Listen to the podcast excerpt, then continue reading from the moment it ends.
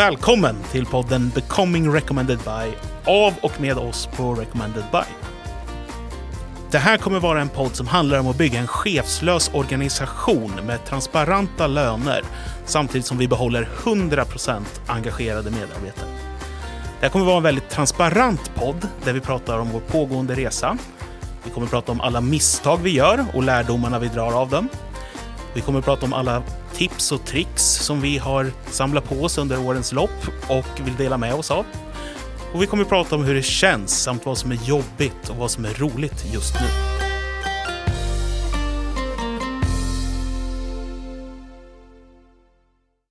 Välkomna till detta avsnitt av Becoming Recommended By. Office First och People First är två ganska nya begrepp som började användas när pandemin började gå mot sitt slut och vi skulle försöka gå tillbaka till arbetet. Office First, alla ska tillbaka oavsett funktion och hur det har fungerat tidigare. People First, alla ska kunna fortsätta arbeta där det passar verksamheten, kunderna och medarbetarna. Fördelarna med att erbjuda People First är såklart uppenbara, men det krävs ju att det görs rätt. Och hur gör man då rätt? Jättesvår fråga som ännu inte har fått så många svar. Vad vi vet i alla fall är att ledarskapet blir ännu viktigare och att utbilda cheferna i vad det innebär att leda på distans kommer vara stora frågor framöver. Och det ska vi prata om idag i det här poddavsnittet. Att leda på distans. Och som en hyllning till ämnet så gör vi också det här avsnittet eh, hybrid. Då.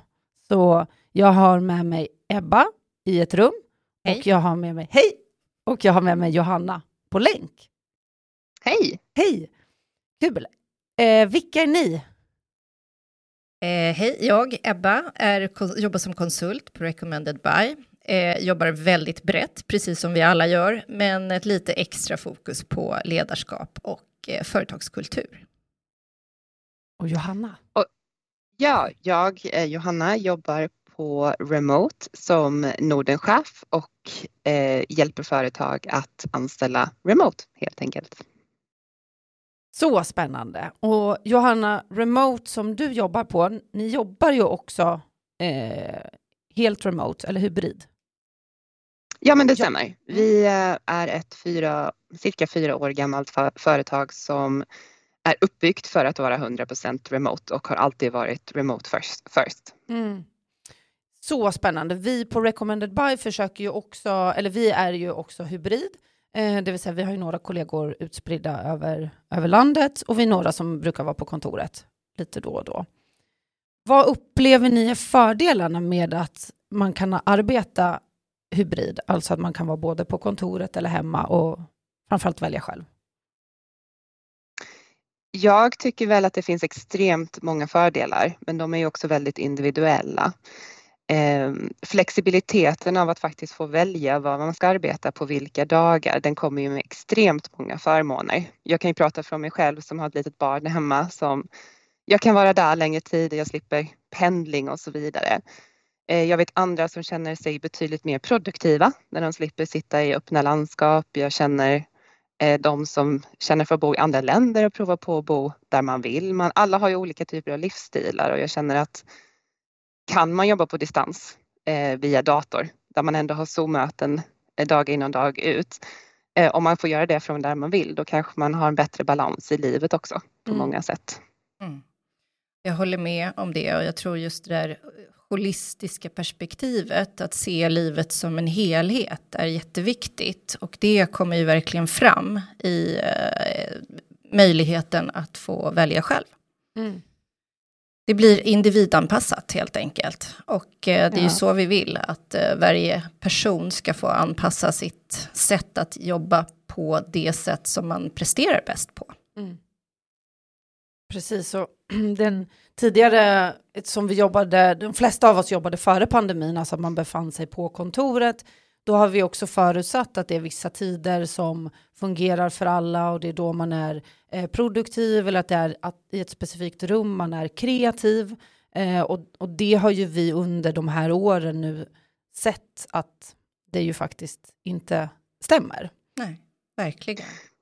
Det är att sätta alla i en box och vi är ju alla så extremt olika. Vi vill så många olika saker. Vi, vissa är mer produktiva på morgnarna till exempel. Jag själv kan vakna klockan fem på morgonen och gå upp och börja arbeta mm. eh, utan problem och eh, om jag hade ett arbete som inte lät mig göra det utan jag måste vänta till att kontoret öppnar klockan nio. Då är inte jag produktiv efter klockan 14 på dagen.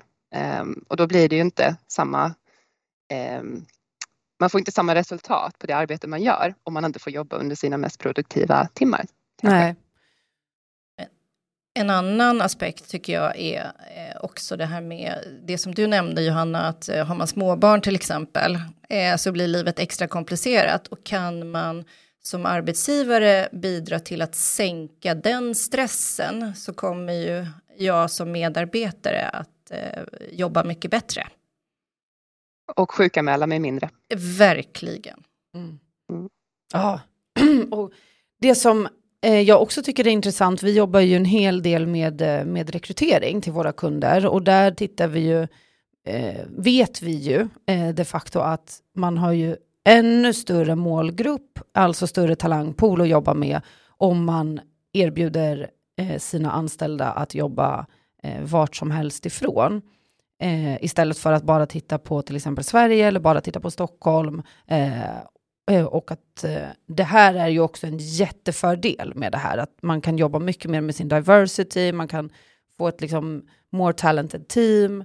Och vad våran spaning är, är ju också att den kommande generationen nu som har vuxit upp med, kanske har gått gymnasiet eh, på distans, eh, som har sett allt det här fungera toppen, kommer absolut inte tänka sig att gå tillbaka till ett Office First-jobb. Eh, Nej, verkligen. Det här, det här är ju väldigt intressant för att eh, tar man bort den här eh, landsgränsen som man har när man rekryterar, som du säger Tove, mm.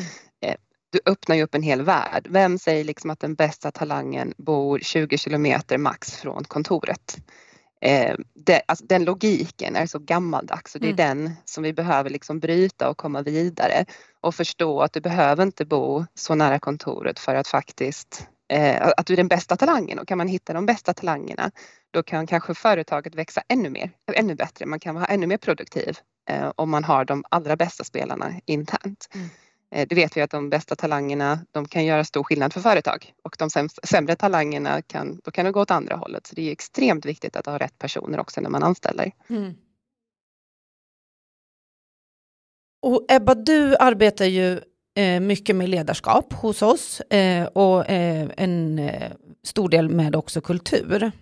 Vad skulle du säga är tufft eh, för cheferna idag ute i organisationerna? De som eh, försöker eh, hantera en hybrid arbetsplats? Mm. Eh, som liksom om man först tar det på ett organisatoriskt eh, plan så är det främst eh, själva liksom, att välja. Hur ska vi ha det och vilka regler ska vi ha kring det här? Ska vi ha några regler ens? Men sen är det såklart eh, eh att behålla, bibehålla kulturen och kanske till och med om man behöver stärka den, hur gör man det på distans? Eh, och sen handlar det jättemycket om kontroll. Och det har väl, jag tänker att det blir ännu mer på tapeten nu i en lågkonjunktur när man redan känner att man behöver ha kontroll till exempel på ekonomin. Eh, det är väldigt, ligger väldigt nära till hands som chef att känna att då behöver jag också ha kontroll på, på allting. Och eh, hur ska jag få det när jag inte ser mina medarbetare? Men och, och, om jag får ta upp en till grej bara, så är det även eh, innovationen och kreativiteten. Vi jobbar ju till exempel med många bolag där kreativiteten är en väldigt stor del av verksamheten. Där finns det ju såklart rädslor också för hur, hur den ska bibehållas. Det här, ämnet, det här ämnet är ju väldigt intressant. Just nu jobbar jag på ett företag som från början är uppbyggt för att vara remote det har aldrig funnits tankar om att inte vara remote. Vi har inte några kontor någonstans globalt. Alla jobbar hemifrån. Och det är ju stor skillnad på att vara det företaget där, där det har varit tanken från början. Vi har alla, alla modeller och alla verktyg och allting som vi har internt är ju uppbyggt för remote. det är ju stor skillnad på det till ett företag som blev intvingat till att vara remote under pandemin för att sedan gå tillbaka till ett kontor och märka att medarbetarna inte vill vara där.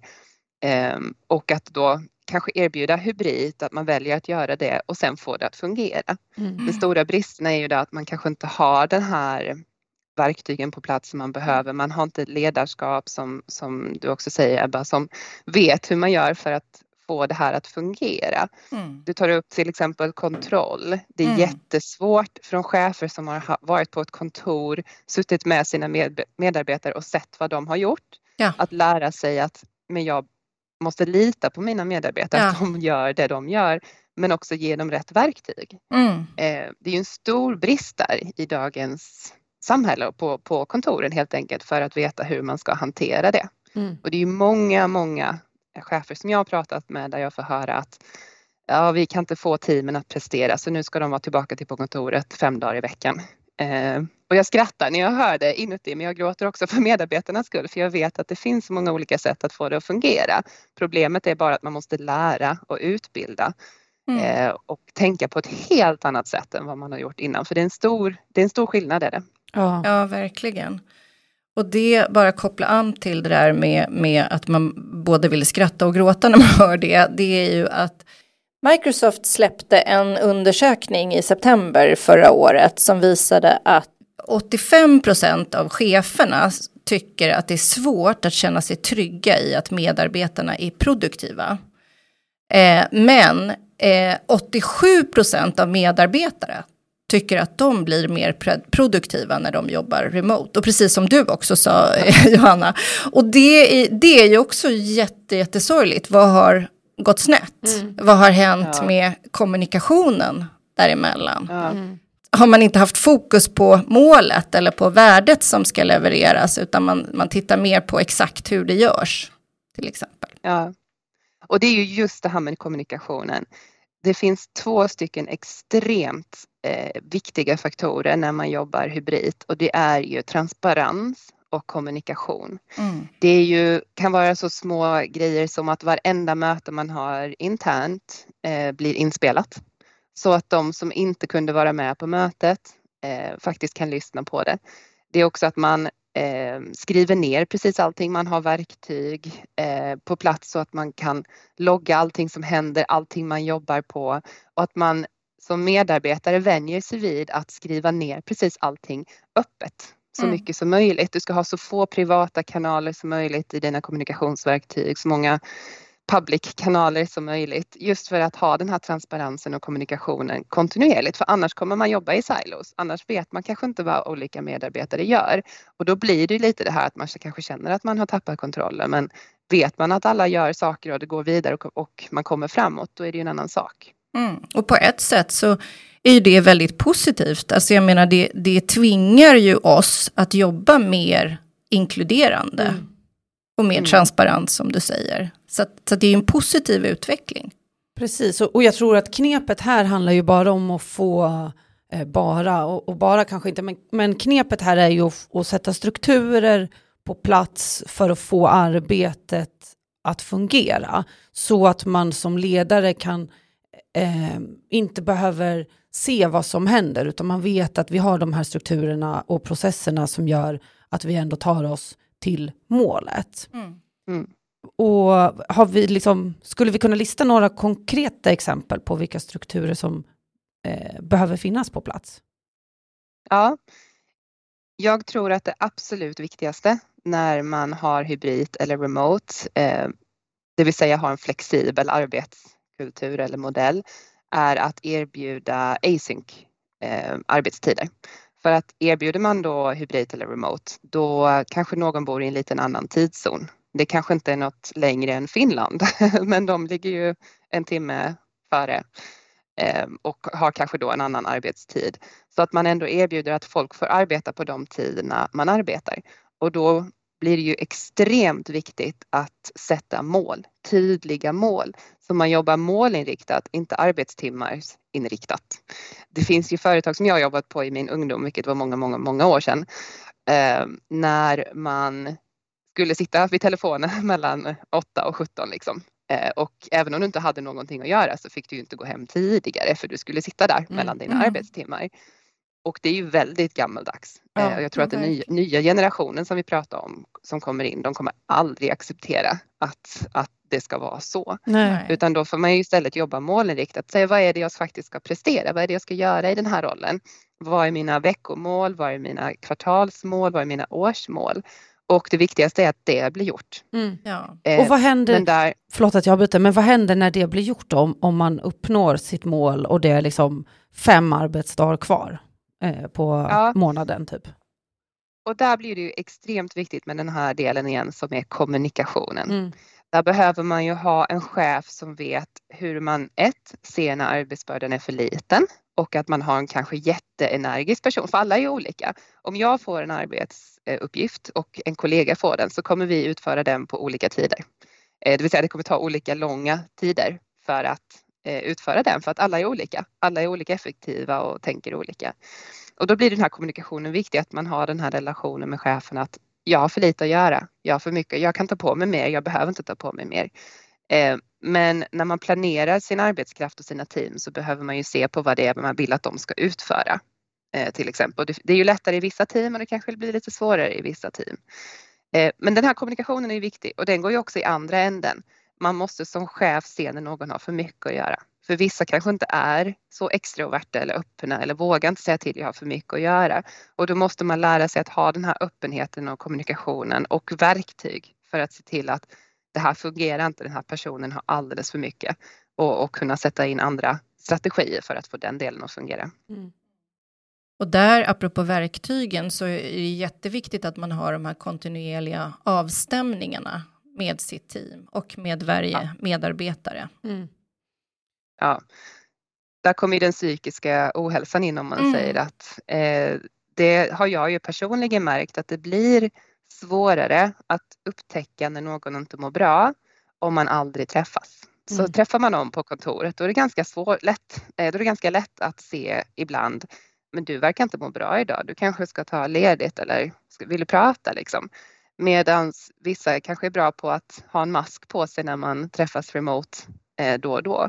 Ja, Så det är viktigt att ha de här veckoavstämningarna, minimum veckoavstämningar, ja eh, där man kanske inte bara pratar arbete. Nej. Eh, så, det, så det vi gör eh, på remote är att jag har ju veckoavstämningar, minst en varje vecka med mina, mina eh, i mitt team. Och jag kanske pratar 10-15 minuter om absolut ingenting. Vad som händer i deras liv, vad de vill göra. Och sen pratar vi om saker strategiska som vi behöver prata om. Men det handlar inte om de här specifika små sakerna som jag kan se i våra verktyg. Eh, Jag pratar inte om KPI eller något sådant för det kan jag logga in och se på, på våra CRM-verktyg eller vad det än är. Eh, Utan vi pratar om andra grejer som jag inte kan se i, i verktygen helt enkelt. Det är det avstämningarna handlar om. Mm. Och det andra kan man ta i teammöten eller i kanaler och så vidare. Ja, verkligen. Vi har ju gått från att ha eh, stand-ups där vi tidigare pratade om eh, är det någon som behöver hjälp med någonting eller är det någon som har tid att hjälpa till med någonting till att gå eh, istället emot att eh, bara ha, vi ses och bara pratar om annat. Mm. Vad gjorde du igår? Ja, Vad hände i helgen? Vad ska du göra i helgen? Eh, det är alltid det bästa mötet på hela dagen tycker Ja jag. men Vi verkligen. Jo men eh, för att, precis som du säger Johanna, de andra sakerna det kan ju vi stämma av på andra sätt. Mm. Och vi har ju teamsynkar som har en tydlig agenda och just när man jobbar remote så är det ju lätt att man hamnar i ett sånt här mötesträsk när varenda möte har en fast agenda där man vet vad man ska prata om. Skapa rum till de möten som inte har en agenda. Mm. Ja, exakt. Jätteviktigt. De här mötesträsken tycker jag är väldigt intressanta för att jag har arbetat på företag där man sitter i möte, möte, möte under hela veckan och får ingenting gjort. Man sitter på fredag klockan tre och tänker jaha, när ska Ja. jag göra alla de här punkterna Mm. som jag skrivit upp under veckan? Och jag tror att när man har hybrid remote, och det är viktigt att ta in den aspekten att alla kan inte vara med på alla möten. Återigen att man spelar in dem. Men också att man försöker ha så få möten som möjligt. Ja, För att just på möten, eh, då har man inte det nedskrivet det som händer på mötet ofta. Så att givetvis ska man ha synkmöten, det tror jag 100% på med en klar agenda. Vad ska vi prata om idag? Vad ska vi nå, få ut av det här mötet? Men behöver man inte ha ett synkmöte, då ska man försöka göra det async. Det vill säga, har jag en fråga till mitt team, då lägger jag den i en teamkanal där alla får vara med och diskutera och svarar och då blir det en öppen konversation som andra teams också kanske kan ta nytta av för vi ja. kanske jobbar på ett initiativ som dem och då kan man dela med sig den. Medan gör man inte det så utan man har det på ett låst möte där bara kanske fem personer är med och eh, man spelar inte in det. Då är det ingen annan på organisationen som får ta del av det eller vet vad som händer. Mm. Precis, och det du pratar om här är egentligen att dels skapa inkludering men också att vi ska ge alla samma möjligheter att delta oavsett vart, i vilket rum man befinner sig. Ja, exakt. För det, det läste jag någon artikel häromdagen om att hur enkelt det är i en hybrid Eh, situation. Så vi har ett kontor där tio medarbetare sitter i samma mötesrum och så har vi en person på en skärm bakom som, som är med på remote. Och hur ska man få den personen att vara precis lika, lika inkluderad i det här mötet som eh, de som är på kontoret? Och det här är ju en jättestor fråga för många chefer och det är där jag tror att den här, om vi går tillbaka till det, det här ledarskapet behöver verkligen vara utbildad och tänka på att man måste inkludera Mm. alla på mötet, även de som sitter på skärmen. Eh, just för att få det här liksom, mötet att bli produktivt. Mm. Eh, men man ska också ha den här kulturen att känner man att mötet inte är värt ens tid så ska det vara 100% okej att logga bort, logga av. Mm. Eh, och känna att det här ger inte mig något värde, jag kan faktiskt göra någonting annat istället. Precis, och här för att kunna göra det så är det ju viktigt då att man har också eh, kommit överens om det här är de principerna vi har och följer. Det här är förväntningarna vi har på varandra. Vi har inga onödiga möten eller ja. om jag är med i ett möte så har jag eh, samma del eh, och möjligheter att bidra som alla andra i det mötet och så vidare. Ja. Så eh, ett konkret tips här kan ju vara då att man skapar tydliga principer som alla är överens om. Ja, man har klara, jag vet ett företag som vi pratade om häromdagen som har eh, extremt många synkmöten som team. Och teamet, det här är ett säljteam, de presterar inte på den nivå de bör prestera. Så vad man har gjort då är att man lagt in ännu mer möten, eh, synkmöten, så att de har sådana här stand-ups på varje eftermiddag nu också och varje morgon och ännu fler teammöten för att synka om siffrorna. Och vad det gör är att ta bort säljarbetstid. Mm. Ta bort flera timmar, fem, sex timmar från säljarnas arbetstid så de kan ringa kunder istället. Och den strategin, alltså ser man den utifrån så tänker man det här är ju helt fel. Du får inte teamet att bli mer produktiv genom att boka mer interna möten. Utan det man ska göra är att säga okej, okay, som chef måste man ju tänka vilka synkmöten behöver vi? Vilka möten kan vi ta async och diskutera publicly? Och vilka vill teamet ha? Fråga teamet. Hur mm. ofta, vill, ofta vill ni träffas om dag, ja, i veckan? Vad vill ni få ut av de mötena? Eh, det gjorde jag med mitt team. Vi hade ett problem och då sa jag, hur vill vi lösa detta? Då sa de, allihopa sa, vi hade en röstning, sån här poll. Och då sa de liksom att ja, men vi vill ha ett synkmöte om detta en gång i veckan. Okej, okay, jättebra, då gör mm. vi det. Men jag skulle aldrig lägga in det om de inte vill det. Nej, och det skapar ju dels inkludering för det teamet som du jobbar med. Eh, men det skapar ju också för dig ett delat ansvar. Så det är väldigt positivt Exakt. ur båda mm. eh, aspekterna. Precis, för jag ja. tänker att det som är viktigt här som ledare, det är ju också att man inte själv eh, för varför man vill ha många synkmöten när det går dåligt, det är ju för att man själv känner att jag måste ta kontrollen och det är inte jag som sitter och ringer kunderna. Men hur, vad kan jag då kontrollera? Ja, men då kan jag kontrollera folks siffror, så då kan de träffa mig och säga dem till mig. Mm. Och här måste man också som ledare verkligen kunna titta ut, alltså titta på sig själv utifrån. Och så här, men vad bidrar jag med när jag gör det här? Troligtvis skapar jag stress, irritation eh, och liksom pajar deras arbetstid då, om man ska ja. vara rent krass. Eh, och, och, det är ju inte det man ska göra som ledare. Så det är superviktigt där att kunna kliva utanför den eh, stresskontrollen som man nog känner. Mm. Och det är högst, högst, mänskligt att känna så kan vi väl säga. Eh, men det är där man behöver jobba emot den. Mm. Ja.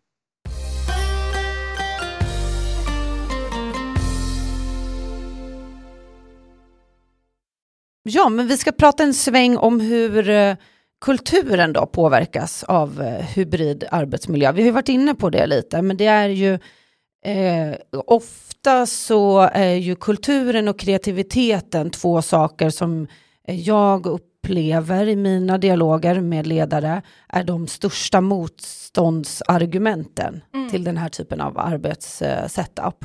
Håller med. Eh, så eh, vi, vi kan prata lite om bara vad, om, Ebba du har jobbat mycket med arbetskultur. Eh, har, du, har du några konkreta tips på hur man kan göra för att få den att eh, bevaras eller förbättras under den här perioden? Mm.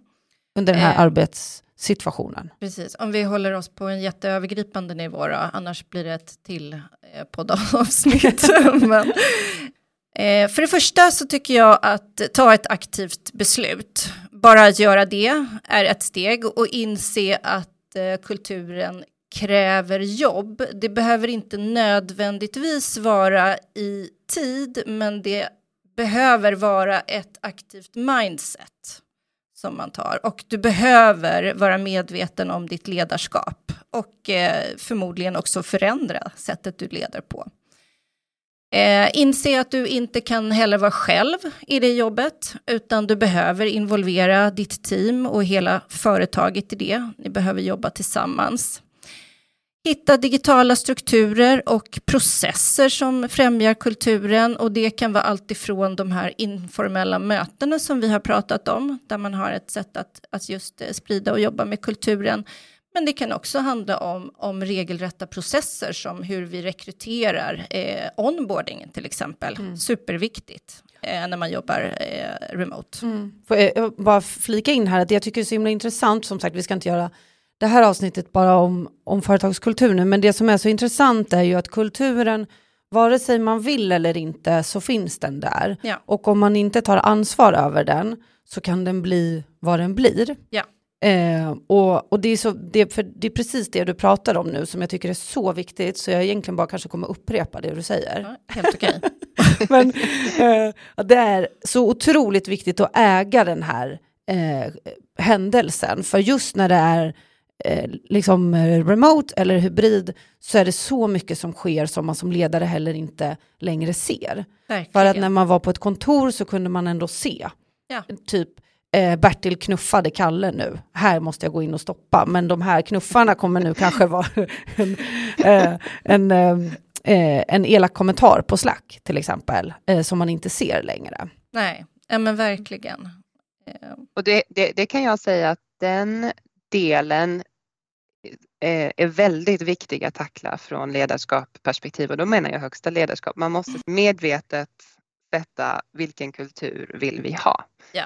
Sen tror jag att det är väldigt svårt på ett 100% remote first, aldrig någonsin träffat live-företag att få det här fantastiska klapp på axeln eh, samarbetet som man kanske kan få när man har träffats in person.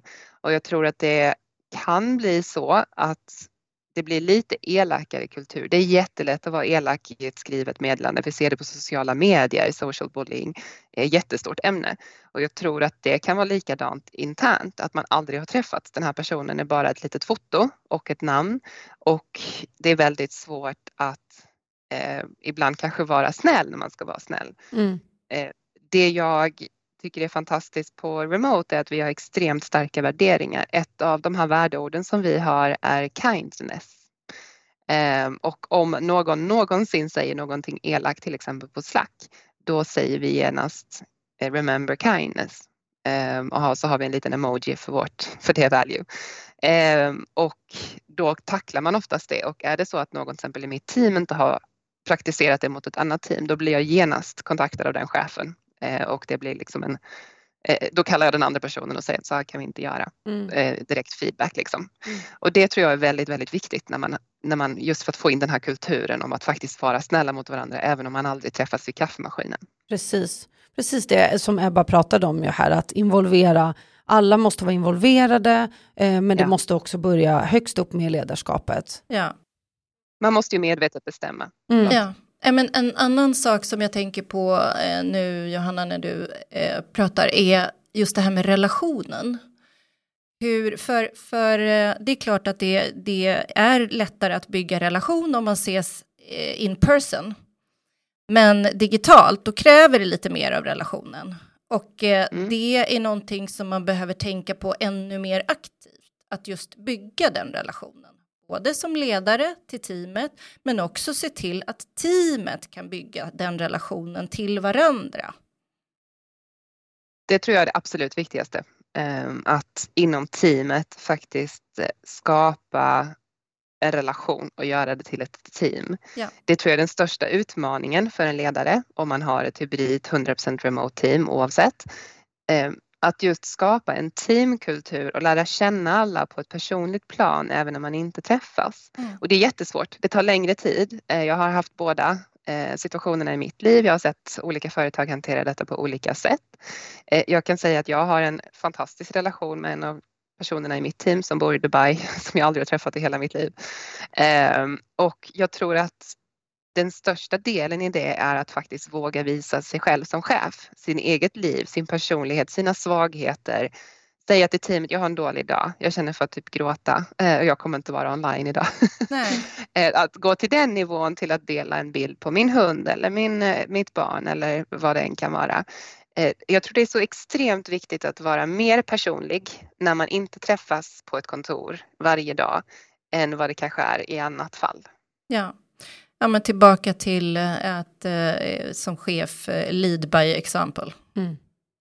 Att, Exakt. Att verkligen föregå med gott exempel och, och börja med dig själv så kommer de andra att följa med. Mm. Det är faktiskt du väldigt duktig på, måste jag säga, Tove. Ja, tack.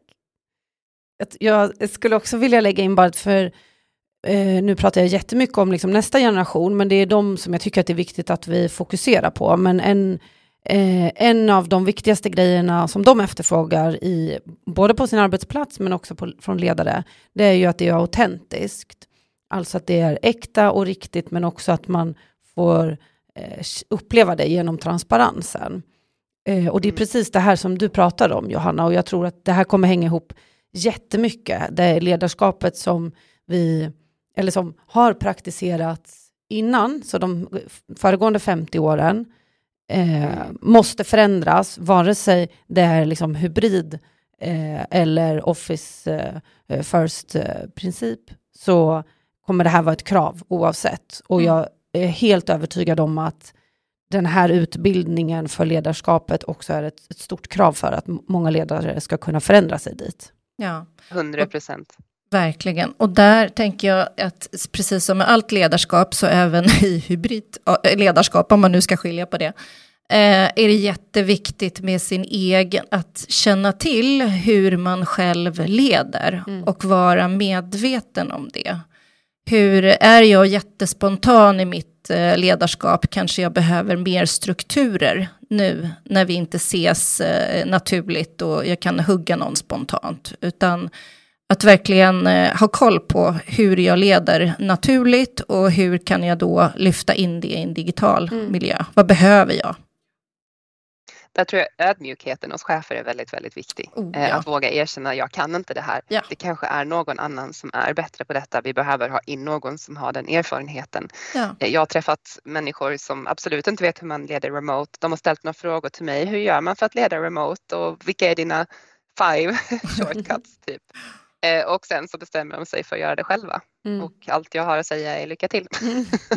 ja, men, men jag tänker att det, det är också så här att ödmjukheten är jätteviktig och känna till det man har svårt med. Det, är ju, det kan ju bara vara positivt, för då vet ju jag vad jag eventuellt behöver hjälp mm. med eller där jag behöver jobba lite hårdare. Precis. Eh, jätteviktigt. Mm. Men för att återgå till det som du sa om transparensen eh, och den unga generationen.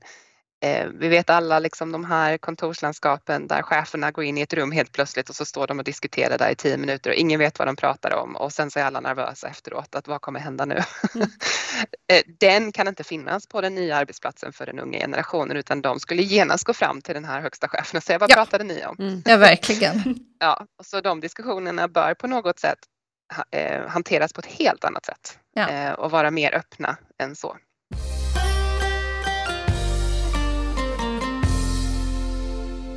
Vi har pratat lite tidigare om olika anledningar som bolag har för att inte erbjuda hybrid arbetsplats. Vad kan vi svara till de här bolagen som säger att kreativiteten och produktiviteten blir lidande när man arbetar hybrid? det är ju just egentligen allting som vi har sagt idag tycker jag. Men om vi går ner till lite mer konkreta så är det ju att känner man att personalen blir mindre produktiv, eh, tänker jag mest på, eller kreativ, då är det inte så att kanske personerna eh, är motiverade på rätt sätt. Det kan ju vara en miljon olika saker här, allt beror ju lite på. Det kanske är absolut så att personerna är mindre kreativa, men då får man ju hantera varför är det så? Fråga dem, hur kan du bli mer kreativ? Att säga att gå tillbaka till kontoret är den enda lösningen att få upp kreativitet eller produktivitet. Den är ju helt eh, 1970-tal. Mm. Utan, utan här måste man ju faktiskt tänka vad kan vi mer göra? Vad behöver våra medarbetare? Att sätta dem i fokus och inte sätta senior leadership i fokus om vad de vill. Vi har ju flera företag i Sverige som där högsta hönsen har sagt nej, ni måste tillbaka till kontoret, inte alls lyssna på medarbetare. Vad händer då? Medarbetarna försvinner, topptalangerna får jobb någon annanstans på två sekunder och då sitter de där och har inte alla stolarna fyllda, kostar massa pengar att, att anställa nya medarbetare, lära upp och vem säger att det är rätt personer som vi har sagt innan som bor runt kontoret? Mm. Ja, verkligen. Jag tänker på det här med kreativiteten. Eh, det finns ju jättemånga bra verktyg för att jobba kreativt nu. Eh, som mm. många använder. Och det är ju ingen som säger att jag måste sitta i samma rum som dig Tove för att du och jag ska kunna vara kreativa tillsammans.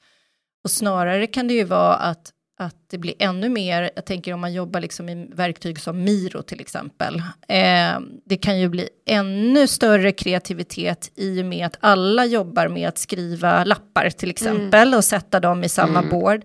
Istället för om man sitter i ett fysiskt möte och det kanske blir de som eh, pratar mest eller hörs mest som får komma med sina kreativa idéer. Alltså så att det finns, mm. möjligheterna är ju oändliga. Mm. Och den är så intressant för att alla är inte extroverta som sitter Nej. och skriker ut sina idéer utan får alla jobba på samma sätt. Och som jag sa innan, jag är kreativ klockan fem. Det är ingen ja. som vill ha ett möte med mig klockan fem på morgonen. inte många i alla fall. Jag kan, eh, och... jag kan ta det. ja, men då har vi, jag faktiskt möjligheten att ta min kreativitet, lägga upp den på Miro eller vilket plattform man nu jobbar och sen när någon annan vaknar klockan nio då kan de hoppa på det och fortsätta jobba mm. och då får man ju det mesta ut av sin personal. Man inkluderar alla. Ja. Jag skulle aldrig till exempel, jag, är, jag skulle aldrig ta ett jobb där jag måste vara på kontoret varje dag i veckan. Eh, och då kanske jag som talang skulle kunna vara jättebra på ett företag men de får inte möjlighet att anställa mig för att eh, jag vill faktiskt vara hemma lite mer med mitt barn. Eh, ja. Men jag är kreativ som sagt klockan fem på morgonen och det är, det, ja, man förlorar ju mycket för, som företag att sätta sådana regler. Ja. Mm. Och, en, och för att återgå också till det här med kontrollen eh, och det vi har varit inne på många gånger tidigare eh, med kommunikationen. Eh, dels så handlar det ju om det som vi har pratat om, att, att eh, ha rätt målsättningar och sätta rätt förväntningar. Men också ur ett ledarperspektiv, då, involvera även teamet i det. Prata om, eh, var öppen med din oro. Eh, jag vet inte hur vi ska göra nu eh, med, hur, hur ska jag veta eh, vad ni gör på dagarna eller hur ni gör saker. Eh, jag förstår att det här inte är rätt, att jag tänker så, men hur kan vi göra för att jag ska känna mig mer trygg? Eh, hur kan vi prata om hur, liksom, hur vi jobbar tillsammans? diskutera målsättningarna, involvera teamet i målsättningarna. Alltså jobba verkligen tillsammans istället för att sitta själv med din oro som ledare. Mm. Ja. Jätteviktigt. Mm. Och då får man ju upp motivationen hos medarbetare. Ja. Det är inte många som gillar att bli tillsagda, så här ska du göra. Nej. Och gör det. Nej men verkligen. verkligen. Utan man, man, vill ju vara med i sitt eget, sin egen roll och jag tror att arbetsroller borde vara mer hybrida och flexibla. Att man kanske bara för att man sitter på en viss stol så kanske man kan hjälpa till på, ett, på en annan avdelning med någonting för att man har arbetstid eh, över. Man kanske har man kanske är mer effektiv än vad någon annan är um, och man har mer utrymme helt enkelt och vill ta på sig mer. Någon ja. kanske vill jobba 50 timmar i veckan. Låt, ja. om man säger, låt dem göra det då medan någon kanske vill jobba mer effektivt och är färdig efter 35 timmar. Spelar ingen roll, man kanske uppnår samma mål ändå. Mm. Ja.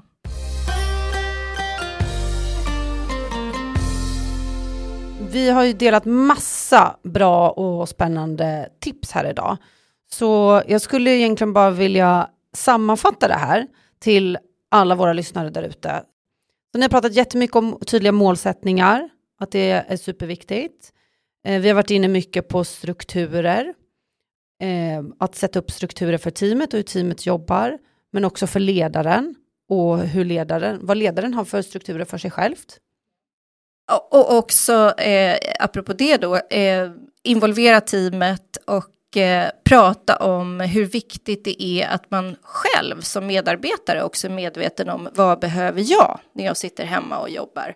Eh, prata om självkännedom, för upp det på agendan mm. eh, och diskutera i teamen.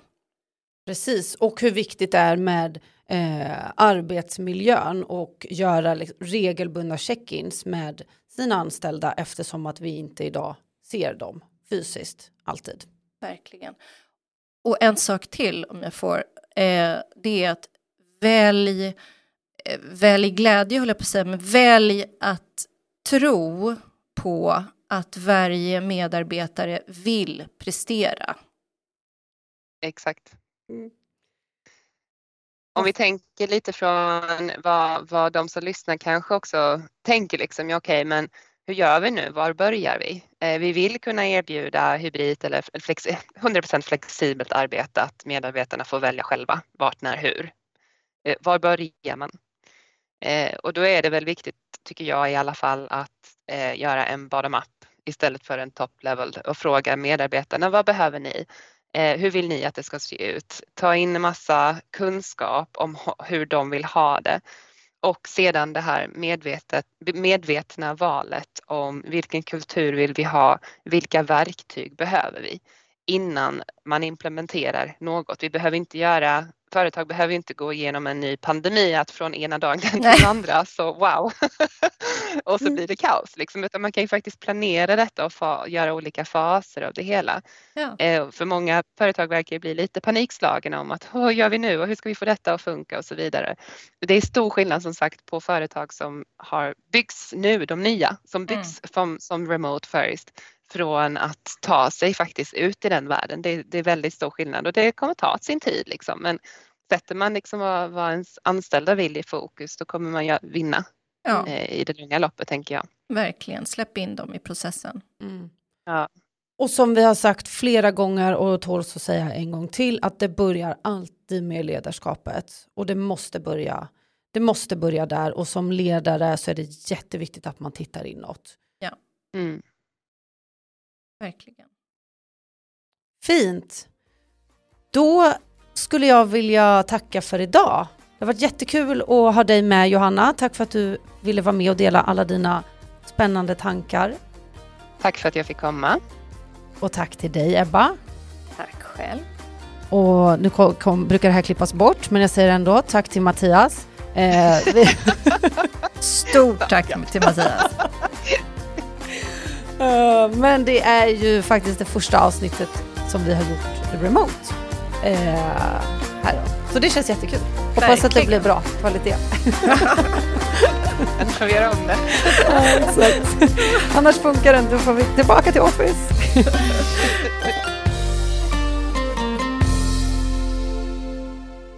Tack! Hej! Hej!